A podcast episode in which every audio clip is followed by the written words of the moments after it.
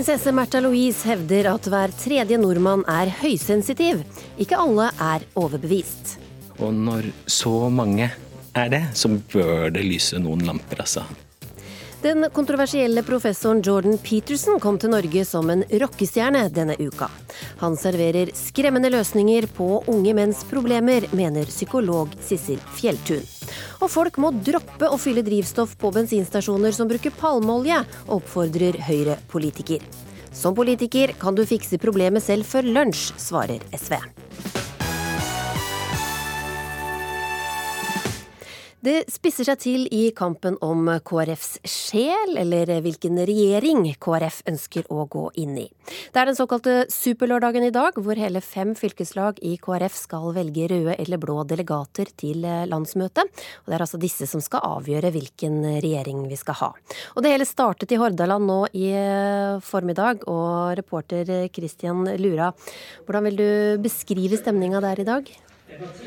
Jeg vil jo si det er en eh, fortettet uh, stemning. Det er, jo, det er jo en forsamling på nesten 100 mennesker som sitter i et relativt moderne bedehus midt i bibelbeltet og diskuterer regjeringens fremtid. Og det er jo sjelden man ser grasrotpolitikk såpass mye i sentrum som vi har sett disse dagene her. Og vi har nettopp hatt et, et opprørsforsøk her i eh, Hordaland. Jeg står her med, med, med politisk kommentator Magnus Takam. Hva dreide dette forsøket seg på fra den blå siden? Nei, Det man eh, foreslo, og som det nettopp har vært avstemning om, er at man skulle ha to lister fra årsmøtet. Nemlig en liste som skulle være slik de fleste er enige om, en representativ liste som speilet holdningene til veivalget i salen, men som en reserveløsning ha en i praksis helblå liste dersom kommende fylkesårsmøter, særlig i Trøndelag ble det pekt på, eh, valgte flertallslinjen à la Rogaland og sendte en da helrød delegasjon.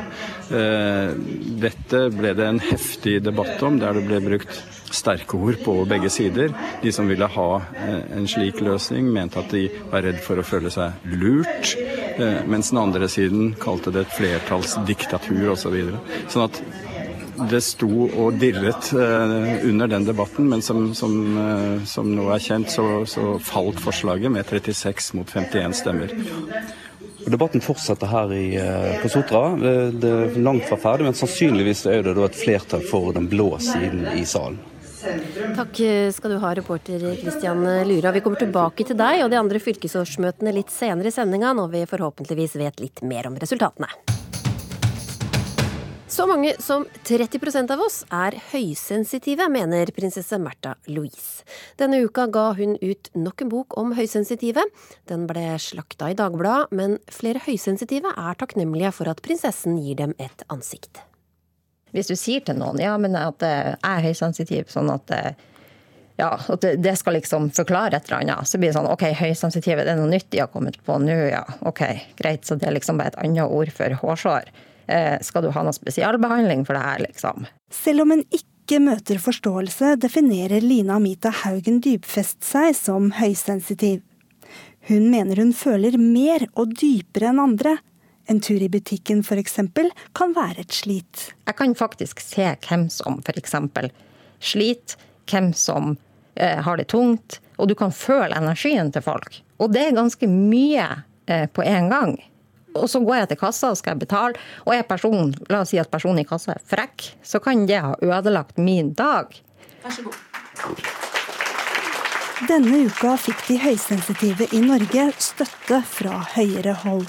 Høysensitivitet er eh, et medfødt personlighetstrekk. Og nå er det, det er flere og flere som viser seg at har det.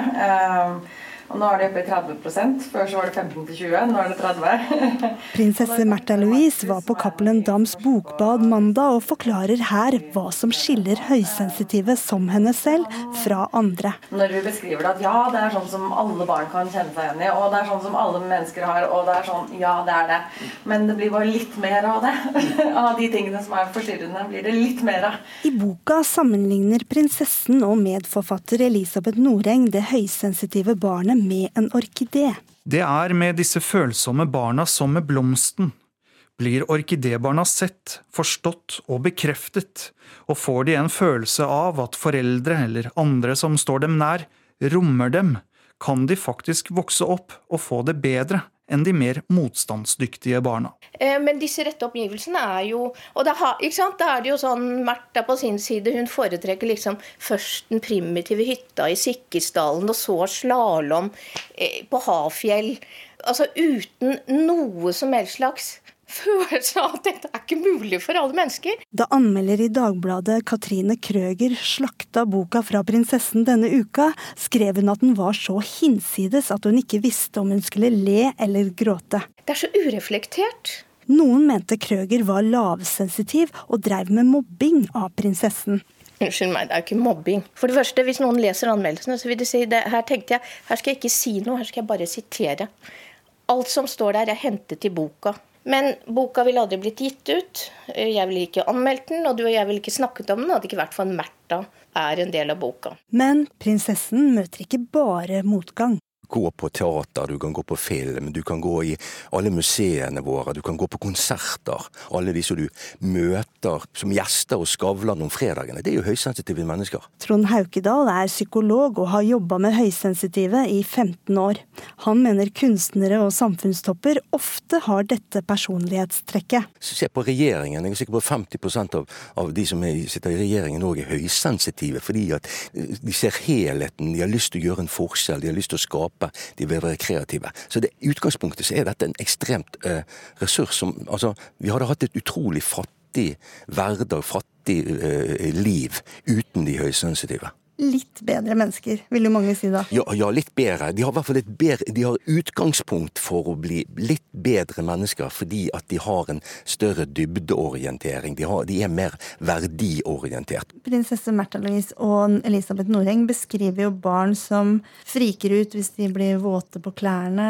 Er det ikke veldig mange barn som har det sånn? Jo da, dette er veldig mange barn som har. Alle barn er sensitive, men de er litt ekstra. Dette er sånn prinsesse på erten-feeling. da, sant? Og pleier å si det litt sånn uformelt, at vi klarer kanskje ikke å skille mellom en promp og en atombombe. Altså. I boka 'Sensitive barn' får foreldrene råd, f.eks. om bursdager. Flere høysensitive barn uttrykker at de ønsker å feire enkelt. De vil kanskje bare ha noen få gjester de føler seg trygge på, men blir ofte likevel nødt til å invitere hele klassen, eller alle jentene eller guttene. Vi mener det er viktig å være lydhør for det følsomme barnets bursdagsønsker. Verken prinsesse Märtha Louise eller Elisabeth Noreng ville bli intervjua av Ukeslutt. Vi skal ha barna inn på aktiviteter. De skal på håndball, de skal på ski, de skal på ridning, hva enn man vil at de skal på. Eh, Under Bokbadet skildra prinsessen hverdagen med barn. Ja, vi skal gjøre masse, og vi skal gå til mormor og bestefar da, og vi skal gjøre sant, bursdager her og der og overalt. Og så plutselig, når, som menneske, eh, så oppdager du at ja, men jeg klarer faktisk ikke så mye som dette her. Da bryter jeg sammen. Det går ikke.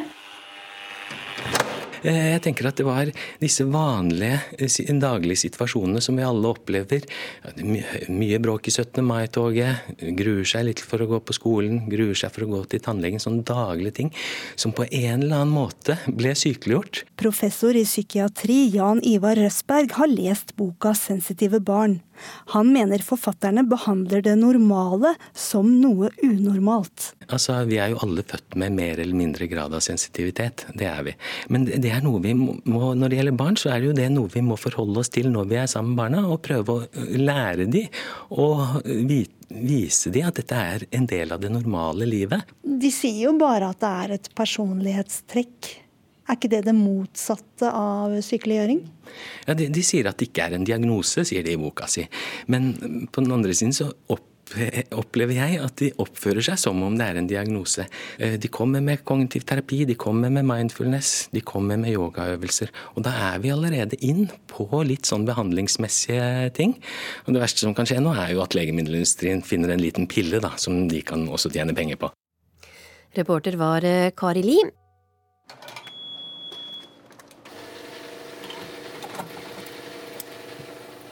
Har du fylt opp tanken på bilen denne uka? I så fall håper Høyre-politiker Stefan Heggelund at du droppa å fylle drivstoff hos Esso og Shell. Årsaken er at de to bensinstasjonene bruker palmeolje i drivstoffet sitt. Til VG denne uka oppfordret Heggelund bilister til å bruke forbrukermakta si til å boikotte selskaper som fremdeles bruker palmeolje.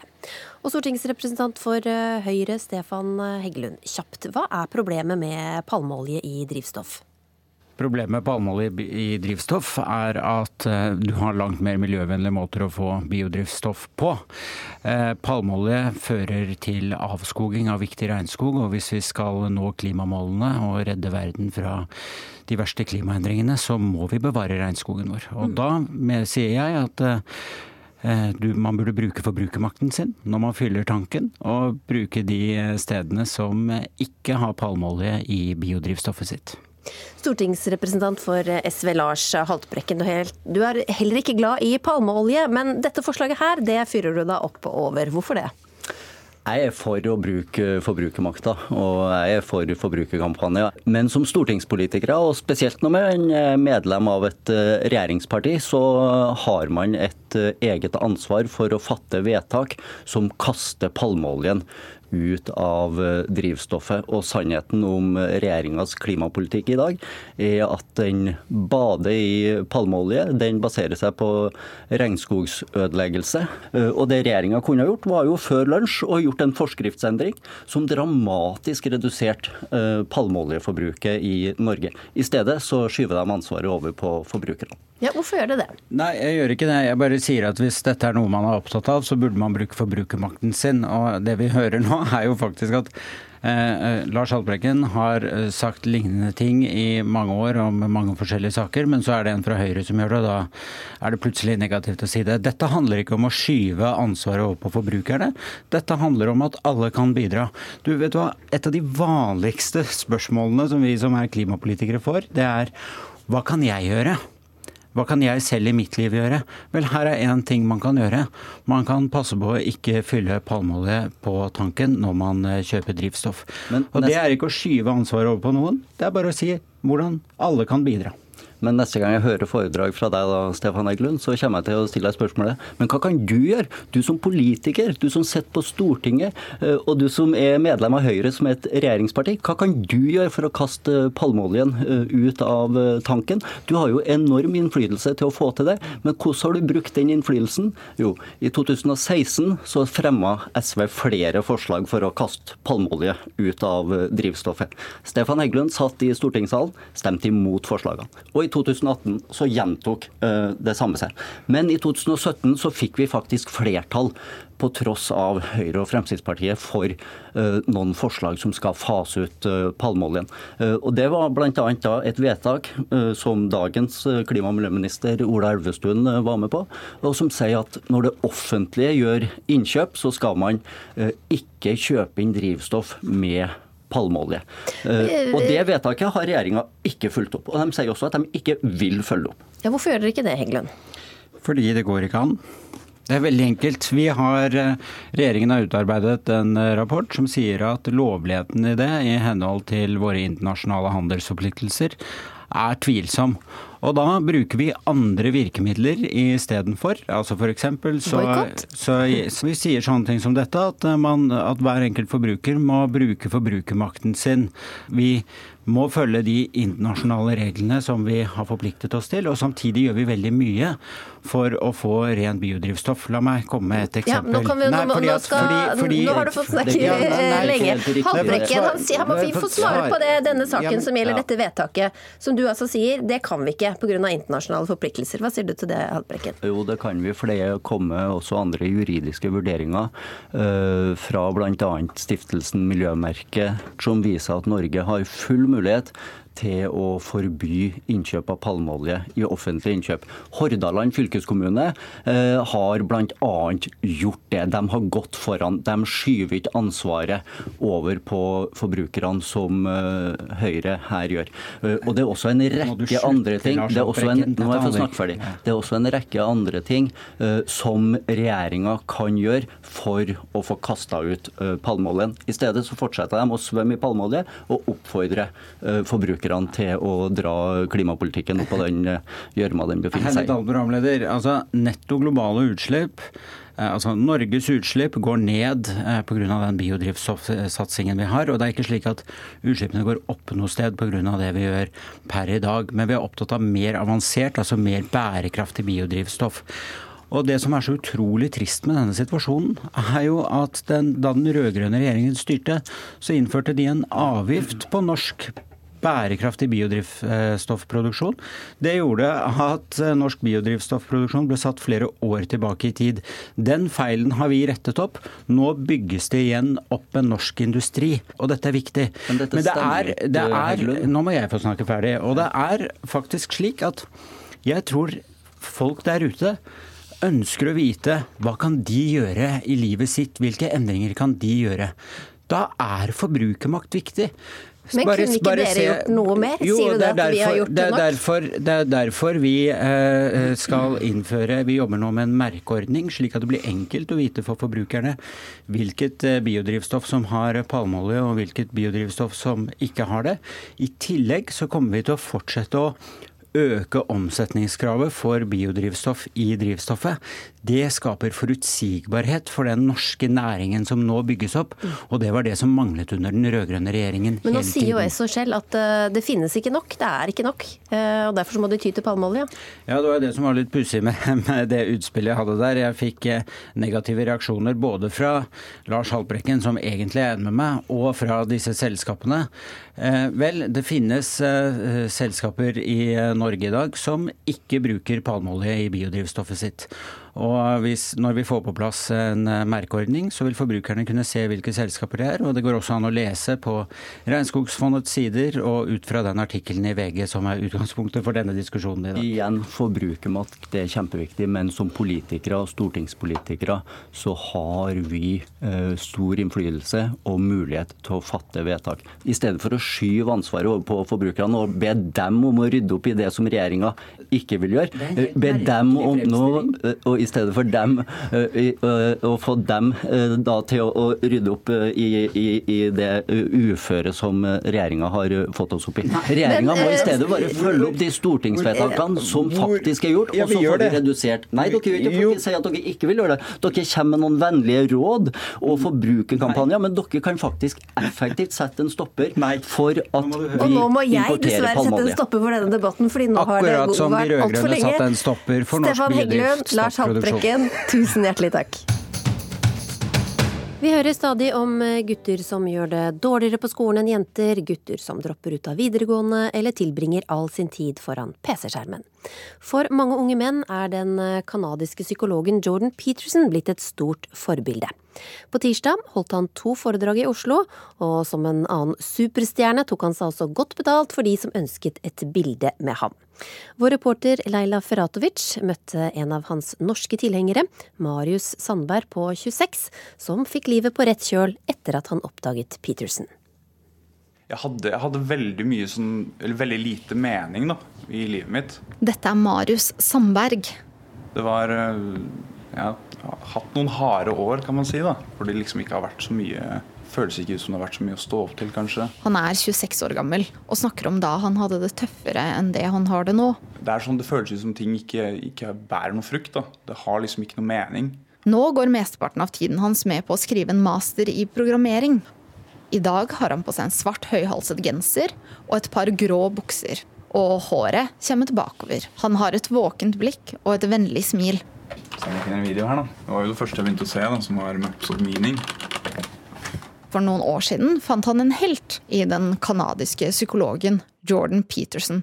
Um, og så, så, er det jo det som eh, Jordan Peterson uh, prøver å si, da, at hvis du begynner å ta ansvar for ting, så kommer du til å finne mening i det. Petersen er YouTube-psykologen som forteller unge menn at de må rette seg opp i ryggen og snakke sant og møte motstand med styrke. Og Det syns jeg var veldig, veldig sånn, uh, friskende, da, fordi jeg har jo lyst til å liksom, ha mening i livet mitt. Da.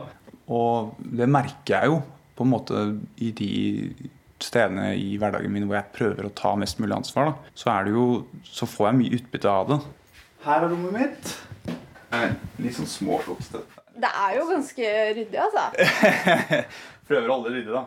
Rommet hans er, etter råd fra dr. Jordan Peterson, ryddet. Sengen er oppredd, og alt har sin plass. Bøkene, høyttalerne og klærne. Så her har vi også Jeg prøvde å henge opp litt kunst. Og så har vi jo selvfølgelig Jordan Peterson her.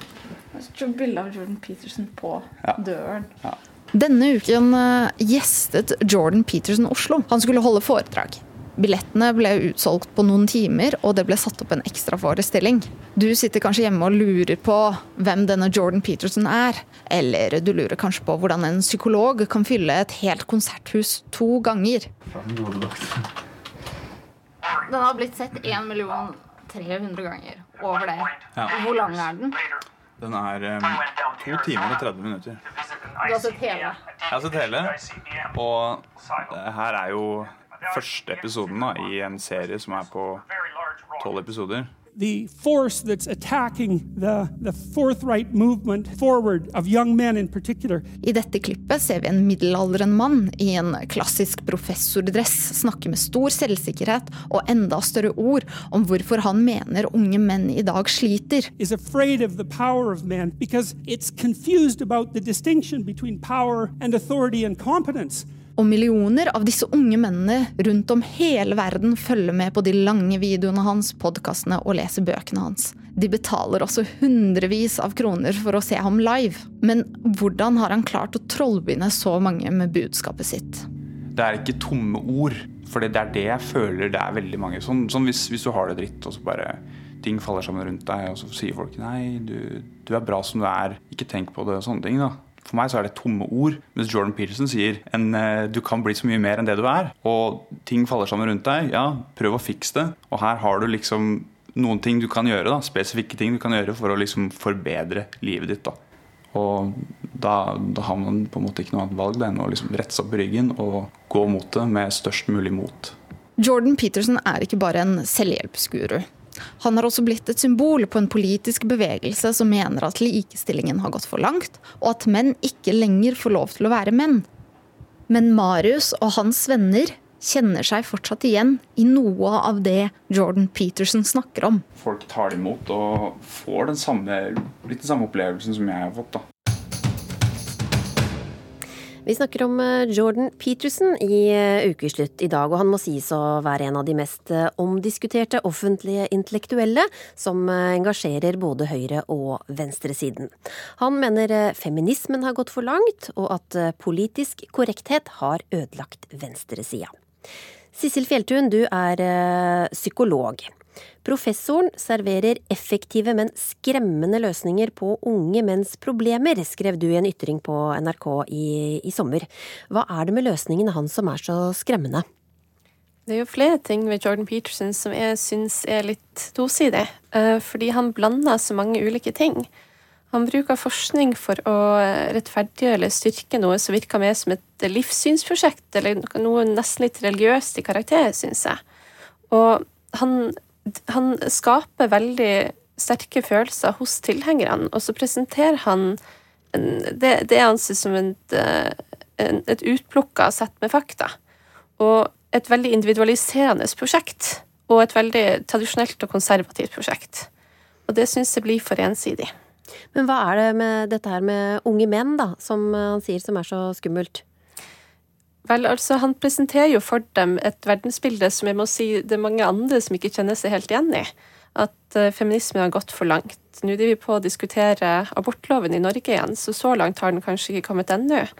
Og selv om det er jo ingen som tviler på at unge menn selvsagt kan ha det vanskelig, men er det virkelig fordi feminismen har gått for langt, eller er det fordi mannsølen deres er for smal, kanskje? Det finnes mange andre måter man kan lese disse faktaene på. Camilla Heiervang, du er journalist og psykologistudent. Er den kritikken som Fjelltun kommer med mot Peterson berettiget, syns du? Nei, jeg vil si at jeg er veldig uenig i hennes kritikk da jeg leste ytringen som skrev hun at um, Ja, at, at, det var skremmende at han får en sånn oppslutning. Og uh, det står litt i kontrast til det mange selv opplever, og det at de Uh, han kommuniserer noe på en måte som gjør at man klarer å finne en inngang til det å ta ansvar for uh, å løse sine egne problemer. Og, og um, satse kanskje litt mer på seg selv. Jeg syns at Fjelltun sa mange litt motstridende ting nå nett, nettopp. Og en av de tingene som går igjen i media, fremstillingen av Peterson, er jo nettopp at han liksom er en sånn kritiker av feminismen. Men hvis man følger med på hva han faktisk sier, så er han ikke en kritiker av teoretisk feminisme, men han kritiserer den aktivistiske feminismen som har et snev av Eller kanskje mer enn et snev av mannehat i seg. Og den går han ganske sterkt ut mot. Fjelltun, du skriver også at uh, Petersen gjør det for unge menn som feminismen har gjort for deg. Uh, da høres det ut som kanskje unge menn kunne fortjene Petersen, da? Ja, men jeg sier jo ikke at hele Petersens prosjekt er feil. Og det føler jeg at mange har lest inn i den ytringen. Der jeg følte, iallfall jeg tenkte at jeg skrev ganske mye om hva som er positivt med han også. For han gir jo en sånn Altså, Han presenterer jo en sånn tradisjonell mannsrolle. ikke sant? Han snakker fra en stilling med autoritet, og han uttrykker forståelse og støtte overfor de som opplever at verden vi lever i, er vanskelig nå. Og at når vi har tatt ut religion fra veldig mange sammenhenger, så satt vi igjen med et litt sånn hull som ikke er så lett å fylle. Og det tenker jeg er veldig fint, men det er noe med det hvor stor grad man skal hva man skal bygge opp mot. For det det er en ting eh, Kapitlen sier også, men det er også noe hvem som lytter til han. Og om han ikke sier noe om noe svært negativt, eller noe som vi skikkelig løfter på øyebrynene av, så er det veldig mange av tilhengerne hans som er veldig eksplisitt antifeministiske. Og her må han nesten ta litt ansvar sjøl, fordi hvis du begynner å kritisere Peterson, så får du gjerne høre at du har du ikke hørt på nok forelesere eller lest bøkene hans detaljert nok. Men enten så er han så klok at han skjønner hvordan han blir oppfatta, eller så er han kanskje ikke så klok, da. Så det må være en av de to må være sann, tenker jeg. Ja, Camilla Heiervang, hvem tenker du, hvem er det som lytter til Petersen? Jeg vil bare si at jeg tenker det er et symptom på et av de problemene som han peker på, er at vi nå har fått en kultur der folk må stå til ansvar for alle eventuelle konsekvenser det man mener og sier kan ha. Og det, det syns jeg er ganske alvorlig, og det syns jeg er et snev av det som Fjelltun nettopp sa nå. Jeg tror at han treffer mye bredere ut enn man får inntrykk av gjennom de artiklene som man leser i, i, i, den norske dekningen av Peterson, fordi han treffer annet ut til ganske mange kvinner. Han treffer ut til menn som er høyt fungerende, som er velutdannede også. Dette er ikke bare en, Altså, det å si at det er liksom antifeministiske guttunger, holdt jeg på å si. Det er en karikatur. Men det er jo interessant at han også når fram til, til kvinner, og, og, han sier jo dette der at feminismen har gått for langt. Og er det, er det nyttig for unge menn og kvinner å høre? Han sier ikke at feminismen har gått for langt. Han kritiserer radikal feminisme som en aktivistisk form for feminisme som som det nok finnes en del mer av i USA enn i Norge. Så det er også litt En del av de forholdene som man kritiserer, er mer representative for visse steder i USA enn i Norge. Fjelltun, har unge menn i dag behov for å høre fra en mannlig autoritetsperson? Men det, det er jo ikke bare unge menn som har. Altså, vi trenger jo alle veiledning i livet vårt. Det er jo vanskelig å leve, og det er vanskelig å gjennomgå alle de tingene som vi opplever til vanlig. Det er skuffelser og det er frustrasjoner osv. Og, og den sida av Peterson syns jeg er veldig god. Jeg syns han kommer med ganske mange gode, konkrete råd til hvordan man kan begynne å gjøre noe med dette. Men jeg syns at når han begynner å snakke om hva som er orden i samfunnet, og hvor det hører hjemme, og sette opp maskulint og feminint som om det er naturlige inndelinger som, som nærmest er evige eller har en sånn, sånn egen eksistens. Mm. Så blir det veldig konservativt. Mm. Vi er nødt til å bite av den okay. diskusjonen her nå. Tusen takk, Sissel Fjelltun og Camilla Heiervang. Klokka går, og møtet på jobben tar ikke slutt. Barnehagen nærmer seg stengetid, og du må løpe for å rekke å hente, mens den barnløse kollegaen ser litt oppgitt på deg. Diskusjonen går i avisenes debattspalter for tida, og straks tar vi diskusjonen her i Ukeslutt, rett etter at vi har hørt hvordan lille Theodor Alrik opplever foreldrenes masing om å rekke barnehage og jobb. Theodor, nå må du kle på deg. Vi skal i barnehagen. Ja da, jeg skal bare bygge en hytte først. Jeg heter Tedol Arlyk, og jeg er fire år. Snart blir jeg fem år. Om morgenen når vi skal til barnehagen, er det litt før. På med skoa, Theodor. Nå må vi forte oss. Theodor, kan du gå og være så snill? Å, jeg har brukt så lang tid. Kan du være sånn, de ta på deg sokkene og skoene? Jeg liker å gå i barnehagen. Jeg liker å leke med, eh, med Jonas og Sena og Jon. De gjemmer seg når vi skal inn og spise. Det er fint. Da kommer mamma og pappa og henter meg. Da springer jeg bort til mamma og pappa og gir en klem. Har du hatt en fin dag? Halla, halla, bæsj! Hun har det, da. Barnehagehenting, planleggingsdager, innkjøring i barnehage og ikke minst alle dagene man er hjemme med sykt barn. Det blir mange fraværsdager å forholde seg til, skrev gründer Astrid Dyson i et innlegg i Aftenposten om kolleger med barn. Og dette må vi kunne snakke om uten å bli kalt sjåvinist eller antifeminist, skrev Dyson. Martine Lunder Brenne, du er redaktør for Foreldre og barn og mor til to små jenter. Du er en av flere som har reagert på dette innlegget. Hva er det du reagerer på? Jeg syns eh, at arbeidslivet må tilrettelegge for eh, kvinner som også har barn, og menn for den saks skyld. Eh, like viktig det. Eh, det er sånn at vi har for få barn i det landet her. Vi trenger å føde flere barn, og vi trenger også flere kvinnelige toppledere. Derfor så må vi ikke eh, omtale det som to helt motstridende interesser, som jeg opplever at det ikke er, eh, men to ting som helt fint kan gå hånd i hånd. Astrid Dusson, du er også med oss, og du er daglig leder av Dyson eh, Drager. Kan du ikke si noe om hvordan du opplever arbeidshverdagen med, med kolleger som plutselig må hente i barnehagen? Eh, Om Erna Solberg og Linda Helleland ønsker at vi føder flere barn i Norge, så håper jeg at de legger til rette for at ikke eh, Det er ikke eh, Det er veldig mange der ute som jobber utenom normal arbeidstid. Og jeg eh, ønsker mindre stress for småbarnsfamilier. Altså en endring i barnehageåpningstider for å få mindre stress, altså ikke mer stress. Fordi jeg ser jo at co-founderen min, hun blir stressa, og eh, jeg blir stressa. Fordi jeg snakker jo fra et gründerperspektiv. Jeg eier jo min egen, eh, firma, eget, min egen bedrift, så jeg ser svart på hvitt i økonomien at det er flere fraværsdager om du har barn, enn mine ansatte uten barn. Martine Lunde Brenne, det er stress? Det er eh, stress, eh, helt klart. Men eh, Og jeg er helt enig med Astrid i at de fleste med barn har flere fraværsdager enn de uten barn. Det sier seg selv. Men jeg er helt sikker på at i hennes bedrift og på de fleste andre arbeidsplasser så måler man ikke hvor god man er i jobben sin på hvor mye man er der. Man måler på hvilket resultat man leverer. Det må være grunnlaget for om man gjør en god jobb eller ikke.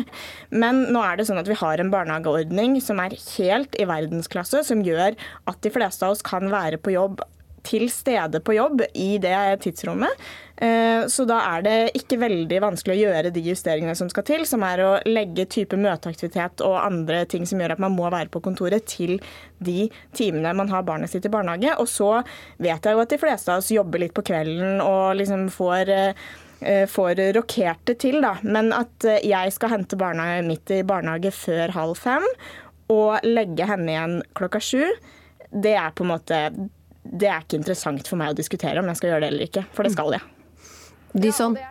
Ja, og det er kjempefint, Martine. Men jeg prøver å fortelle deg eh, nå at det fins veldig mange som ikke har en 9-4-jobb, som ikke kan det.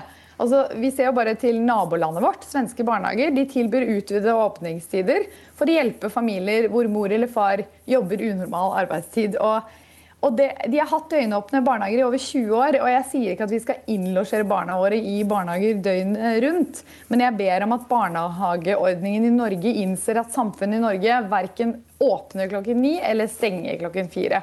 Og, og, jeg, og Martine ber også om konkrete forslag på endring. Og For å starte i det små, da, så kan man jo i hvert fall kan man ikke løsne på den hellige timen fra eh, fire til fem. Kan vi si at det er OK av og til hente litt etter klokka fem. Fordi co-founderen min, Kjerstin, hun har jo sagt at av og til så føles det som om det er konkurranse om hvem som henter barna først. Og jeg tror at en litt mer fleksibel barnehage bidrar til at kvinner kan kjempe om høyere stillinger uten at de knekkes av samvittighetskvaler. Fordi det eneste jeg vil, er at det kommer flere. Ja, Erna vil ha flere barn, men jeg vil også ha flere kvinnelige gründere i Norge. Litt mer fleksibel på henting, Martine?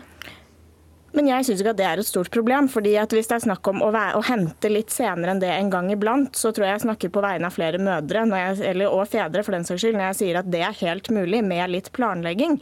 Eh, så er det ikke noe problem å sitte på jobben utover klokka fire en gang iblant. Og en mer fleksibel ja, jeg snakker om utover klokka fem. Jeg. Fordi samfunnet stenger ikke klokka fire. Men barna er, allerede, barna er allerede veldig mange timer i barnehagen eh, om dagen. Eh, og det at barnehagen er åpen utover kvelden, det ville jo i så fall gjort at man måtte levert dem senere. For jeg går jo ut ifra at du mener at barn ikke skal være i barnehagen eh, utover åtte timer om dagen, som allerede er ganske mye. Og hvis, ja, ja. hvis poenget er at de skal være der til senere, så må vi levere dem senere. Og da vil jo du fortsatt miste muligheten din til å ha møte med folk eh, med barn i den leveringssituasjonen fra ja, halv ti til halv elleve, da, eller hva den timen. Så altså, tidsproblemet er jo der fortsatt. Men, Men, tror du det er sånn at ja. alt dette fraværet som du, som du eh, registrerer, fører, fører dere det til mer ineffektivitet også? Det fraværet jeg registrerer, er et fravær jeg, som jeg tror skremmer mange kvinner til å starte egen bedrift. Altså det er fra 15 til 20 ekstra fraværsdager i året om du er i småbarnsfasen. Og det er fakta fjasan. Og det tror jeg er grunnen til at det er veldig mange kvinner som ikke tør å starte egen bedrift. Fordi de, de er redd. OK, jeg, jeg skal i mammaperm. Jeg må hente i barnehagen. Uh, planleggingsdag. Og, og, og jeg, og det tror jeg helt seriøst er grunnen til at kvinner ikke tør, flere kvinner ikke tør å, starte egen bedrift. Martine Runder Brenne, hvorfor er det greit at noen alltid må sitte igjen, mens andre kan løpe av gårde og hente barn? Altså jeg, at Om noen velger å sitte igjen på kontoret fordi de ikke er ferdig med jobben sin, det må de jo gjerne gjøre. Eh, akkurat som at hvis noen ikke er ferdig med jobben sin, må åpne PC-en og jobbe igjen på kvelden. Eh, det er jo på en måte det er jo et valg hver enkelt må ta igjen så syns jeg at man skal måle hvor god man er i jobben sin på hva man leverer av resultater, ikke når og hvor. Um, det har jeg vel aldri sagt. Jeg har ikke nevnt det med en, ett eneste ord eller setning. Så da, da, da jeg, altså, jeg, en, jeg, skjønner at jeg skrev en bitte litt uh, provoserende kronikk. Altså, jeg har tatt noen studiepoeng i PR for å forstå at man må provosere for å få spalteplass. Men, men, men um, jeg ser jo med egne øyne at eh, min bedrift går dritbra fordi man kan ta igjen jobb når man vil. Eh, når du sier det, så tenker jeg sånn Hvorfor kan man ikke ta planleggingsdag på kvelden? Altså Man har jo internett, og hvorfor kan ikke eh, folk som jobber i barnehagen ta et par kveldstimer med jobb, da, sånn at ikke hele Norge må ta ut fem planleggingsdager i året? Men når, skal, når, barn med barnehagebarn skal ha planleggingsdag, så må de ta feriedag. Akkurat som eh, når man skal til, eh, på ferie eller eh, hva som helst. Planleggingsdag er ikke noe man får, får fri for å ta. Takk skal dere ha, Martine Lunder Brenne og Astrid Dyson. Og jeg vet ikke om eh, kampen i KrF er så hard at tårene spretter der også. Tidligere hørte vi at det spisser seg til i kampen om delegatene, og at man i Hordaland vurderte om det var lurest å la flertallet få hele delegasjonen. Reporter Kristian Lura, hvordan er stillinga på fylkesårsmøtet på Sotra i Hordaland? Ja, altså her er det en god eh, kristen stemning, vil jeg si, inn på dette bedehuset ute på Sotra utenfor Bergen. Eh, forslaget om å liksom ha en sånn backup-plan der man skulle sende bare blå delegater hvis Trøndelag ble altfor rødt, det forslaget falt. Sånn at nå står det om hvor mange blå og hvor mange røde skal de sende. Og Her kommer nok Hareide til å bli i mindretall. Han håper på i hvert fall fem røde delegater fra Hordaland, og da vil det være ni blå. Mens eh, Ropstad, altså han som er eh, nestleder, han tror kanskje at de røde vil få seks og de blå vil få åtte. Så her eh, blir det spennende å se hvor stort blir dette flertallet av de blå i Hordaland. For Hordaland er tross alt et ganske blått KrF-fylke. Ja, og som du sa, Hordaland var redde for at Trøndelag skulle sende helrød delegasjon. Og nå er fylkesårsmøtet i gang i Skogn i Trøndelag. Blir det helrødt, reporter Ingrid Lingård Stranden? Det vi vet med sikkerhet, er at det er 13 stykker som skal sendes fra Trøndelag til landsmøtet. Eh, nestleder og leder er jo to av de her 13. Det eneste vi vet, det er at eh, lederen, Jon Normann Tviberg, han stemmer rødt. Eh, akkurat nå så er det mm, innlegg altså fra talerstolen. Eh, så mye som 40 personer har skrevet seg på denne talelista, og kanskje man har kommet halvveis. Og Det høres ganske rødt ut så langt, da, med dem som har sagt noen ting. Men man har ikke bestemt seg for å, å stille blokkvis, at flertallet får alle delegatene? Nei da, her ble de raskt enige om at de skal ta en voteringsordning hvor man har representativ delegasjon, da, sånn at man, man, innretter seg etter det som gjenspeiles i denne forsamlinga på 92 personer som er her på Skogn. Tusen takk, Ingrid Lingård eh, Stranden. Og vi fortsetter vår lille KrF-stafett på de ulike fylkesårsmøtene i dag. Og nå lurer vi på hvilket lag som ser sprekest ut på Skei i Sogn og Fjordane, reporter Alexander Åsnes. Ja, Sogn og Fjordane skiller seg ut eh, på Vestlandet. De tre andre vestlandsfylkene er jo eh, klart borgerlige. Men her i Sogn og Fjordane var innstillinga til fylkesstyret at fem av de sju delegatene som skal sendes der, skal, eh, skulle være røde, to av dem skulle være blå. Men de siste dagene så har bildet endra seg litt. Flere har blitt frista denne tredje veien til Hans Fredrik Grøvan. Flere har tenkt at det å bli i opposisjon og ikke gå i regjering, ja, det høres fristende ut. Eh, nå er debatten i gang. Den har vart en eh, halvtime, 40 minutts tid. Eh, det ser ganske delt ut, men eh, ut ifra sånn som jeg har eh, hørt fra delegatene på fylkesårsmøtet i dag, så kan det høres ut som det ikke er helt urealistisk at de ender opp med å sende en såkalt gul delegat i tillegg. Noe som har blitt skissert, er f.eks. at de sender fire røde, to blå og én gul delegat. Men akkurat hvordan den maktbalansen eh, vil bli, det vet vi ikke før om eh, en time eller to. Veldig spennende. Takk skal du ha. Og Trond Vestre, du er i Vestnes i eh, Møre og Romsdal, et tradisjonelt blått KrF-fylke. Hvem er det som ser sprekest ut av de røde og blå der?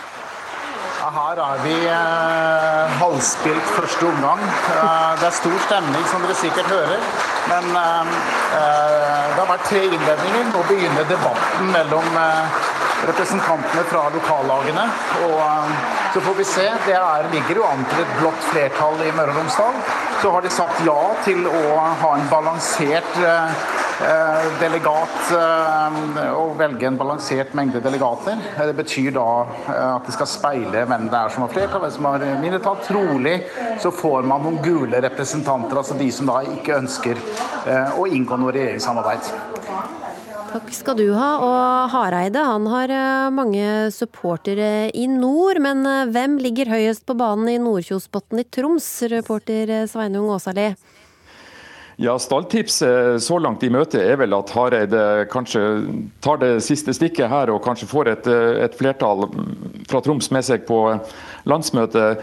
Det er uansett close race og ulidelig spennende kan vi si, mellom rød og blå side her i fylkespartiet. Det er avgjort at Troms uansett skal sende en representativ delegasjon. Møtet her starta klokka tolv, og så langt så har tida gått med til innledninger for de to, for ikke å si tre alternativene. Og det er jo ingen sentrale aktører her. Troms eh, er et eh, lite fylkesparti for eh, KrF.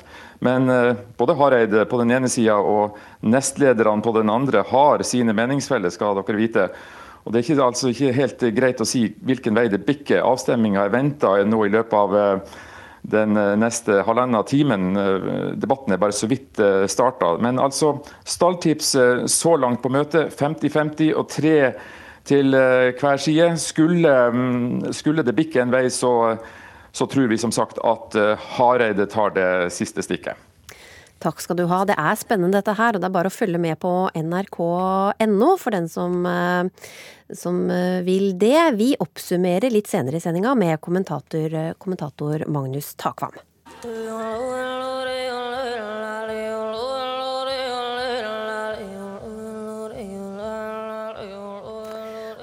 Få timer står Ella Marie Hetta Isaksen og Ulrikke Brandstorp på scenen under Stjernekamp-finalen her i NRK. Artistene har fått prøve seg på sjanger etter sjanger, og i år som i fjor var joik en egen kategori som deltakerne måtte prøve seg på. Og også i kveld blir det joik i selve finalen, men det er ingen selvfølge å ha joik i beste sendetid. Det mener du, Mona Solbakk, direktør i NRK Sápmi. I en ytring på nrk.no så skriver du at eh, bruken av joik har snudd fra hets til heder og hyllest. Hva mener du med det? Det var sånn i min ungdomstid, som er noen år tilbake, på 80-tallet, så var vi så heldige at vi hadde noen på den nasjonale scenen. Mattis Hætta og Sverre Kjelsberg eh, vant den norske Melodi Grand Prix-finalen med Sæmi Etnan. Og det var jo en stor hendelse for, for oss samer. Men det jeg opplevde som ung da, det var det at når jeg tok på meg kofta og gikk i Oslos gater eller, eller hvor som helst, egentlig, så ble nærmest joiken spytta mot meg med en etterlignelse av uh, sæmighetene. Og som ble opplevd som negativ, uh, negativt uh, mot oss uh, samer. Hva gjorde det med, med deg, da? Det gjorde jo det at eh, du hadde jo ikke Du vegra jo deg, eller du måtte mentalt forberede deg på hva som helst når du tok på deg kofta. Og du må jo være ekstra stolt og ekstra sterk for å ta på deg kofta i sånne sammenhenger. Eh, og, og jeg, jeg, ble jo oppvokst med en bestemor også som aldri joika. En en dag i Oslo når hun var på besøk hos oss, i, hos meg og mor mi, så hørte jeg plutselig at hun nynna. Så til min store overraskelse så skjønte jeg at hun kan jo joike. Det her var en skjult hemmelighet i familien, og noe hun hadde skjult for oss alle.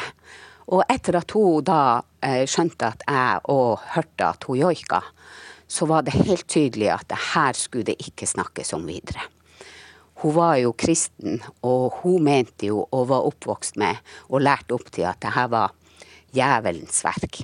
Som vi ikke skulle, skulle fremheve og, og, vise frem til andre. Så du joika kanskje ikke noe særlig selv, da, etter å ha hørt hennes side? Eh, jeg var jo, Samtidig joika vi jo sjøl, men det var ikke på den samme eh, Det vi opplevde i den norske offentligheten, var jo at det ikke var noe som var bra. Mm. Jeg er jo heldig og er oppvokst med, en, med, foreldre som var veldig engasjert i samisk musikk, og hvor jeg nærmest bare lytta til samisk musikk. Eh, så jeg har jo hørt mye joik, og joika med i Tana Breddens Ungdom og Piera Balto og mange av de eh, våre store eh, samiske artister.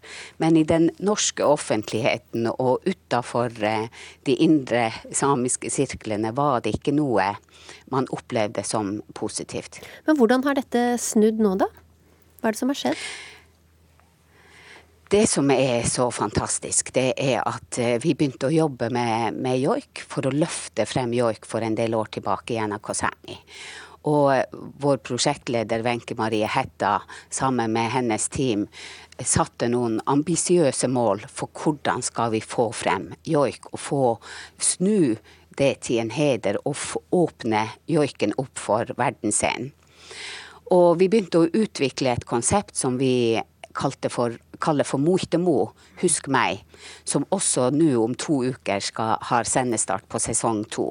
Hvor norske artister lærer seg å joike av våre joikemestere. Og nå eh, sitter jo hele Norge og vurderer om joiken er eh, god eller dårlig i, i Stjernekamp. Hvordan opplever du det? Jeg syns det er fantastisk å se. VG, Dagbladet, Aftenposten, P3 vurderer joik og, og, og karakteriserer er det her joik eller ikke. Da har vi virkelig nådd langt, når man får den kunnskapen. Mm. Eh, og også det at man i en million nordmenn sitter i, på lørdagskvelden og vurderer joik og tenker eh, og kommenterer på sosiale medier om det er joik eller ikke. Eh, det er jo en fantastisk reise vi er på nå. Men Hva sier du til de som fortsatt syns at liksom, joiken det er noe som hører samene til, og ikke som lørdagsunderholdning? Jeg skjønner godt den debatten, for det har blitt en debatt i, i, det samiske samfunnet spesielt, om det er rett å lære nordmenn å joike. Fordi at det har vært og er en skjør kulturskatt. Eh, og med den historien som vi har med at eh, misjonærene sa at det her var djevelens verk, så, så merka jo vi at det her er noe vi må gjemme unna. Og, og det var en så dyrebar skatt som vi ikke kunne vise frem til alle. Og når vi nå da løfter det til nasjonal scene, så skjønner jeg at det er en frykt og en, en bekymring rundt det. Men om vi virkelig ønsker at den skal få utbredelse, så syns jeg det er utrolig viktig at vi åpner opp. Og nå ser vi jo hvordan virkning det har at, at eh, selv profesjonelle artister har utfordringer med å lære seg joik, og får en respekt for den. Det er ikke bare hei låli låla, det er noe mer. Og den, og, og den, kunnskapen og den informasjonen er jo utrolig viktig å få frem. Jeg tipper at det er en del som har prøvd hjemme i stua også når de har sett på, på Stjernekamp. Men hvem tror du vinner i kveld, da? Eh, måtte den beste vinne. Kan vi si noe annet? Nei, vi kan vel ikke det. Takk skal du ha, Mona Solbakk. Og vi skal tilbake til eh, fylkesårsmøtet til eh, KrF i Hordaland, for der er eh, du på plass, politisk kommentator her i NRK, Magnus eh, Takvam. Hvordan kan vi oppsummere så langt? Her i Hordaland så var det jo veldig mye oppmerksomhet om Eh, dette forslaget om å ha en sånn slags helblå reserveliste, om du vil, eh, som skapte drama på formiddagen her, det ble nedstemt. Og tanken fra de som fremmet det, var at de var redd for at de såkalte røde fylkene som kommer etterpå, ville bruke eh, Rogalandsmetoden, og da måtte de ha liksom en blå liste i reserve. Det ble det en heftig diskusjon om, og, og, ble nedstemt, men mot et ganske stort flertall, 36 mot 51. Akkurat nå så pågår den vanlige politiske debatten om hvilke veivalg KrF skal, skal gå. Her er det innlegg både for og mot, selv om det er, det er selvfølgelig ventet et klart blått flertall til slutt her. Du er jo en uh, durkdreven uh, politisk uh, kommentator, Magnus. Men hvor spennende er en sånn dag som dette for deg? Jeg syns det er spennende. Det er jo, når jeg tenker meg om hele denne, denne, dette prosjektet med KrFs veivalg, er jo blitt som et slags stortingsvalg eh, i, i eh, et, en light-versjon. Mm. Så eh, det er et voldsomt eh, engasjement rundt alle møtene. Og det, er, det som er interessant, er selvfølgelig å se hele det skal vi si, spekteret av, av holdninger som er i KrF. Det gjenspeiler veldig ulike Eh, til, eh, meninger i et parti som KrF landet rundt. Det er veldig avhengig av hvor i landet du er, hvordan type KrF-ere du møter. Det er kjempeinteressant å, å observere, syns jeg. Mm. Og I morgen så er det Nordland sin tur. Vet vi noe om uh, hva vi kan forvente der? Ja, vi har jo i hvert fall fått en fylkesleder som har sagt at hun har skiftet fra blått til rødt. Eh, generelt så er det vel eh, slik at i de nordlige fylkene og Trøndelag så er det mer rødt enn på Vestlandet. Sånn at de aller fleste regner nok med at eh, selv etter i dag vil det være vanskelig å si helt sikkert, og kanskje også i morgen, da, hvor, hvor, hvor det går.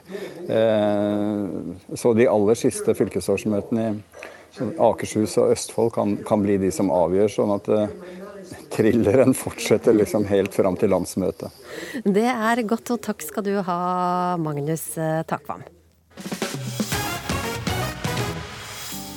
Og det var hyggelig at du hørte på Ukeslutt eh, denne lørdagen. Ansvarlig for sendinga, det var Julia Afshari Kaasa. Teknisk ansvarlig Hilde Tosterud, og i studio hørte du Linn Beate Gabrielsen.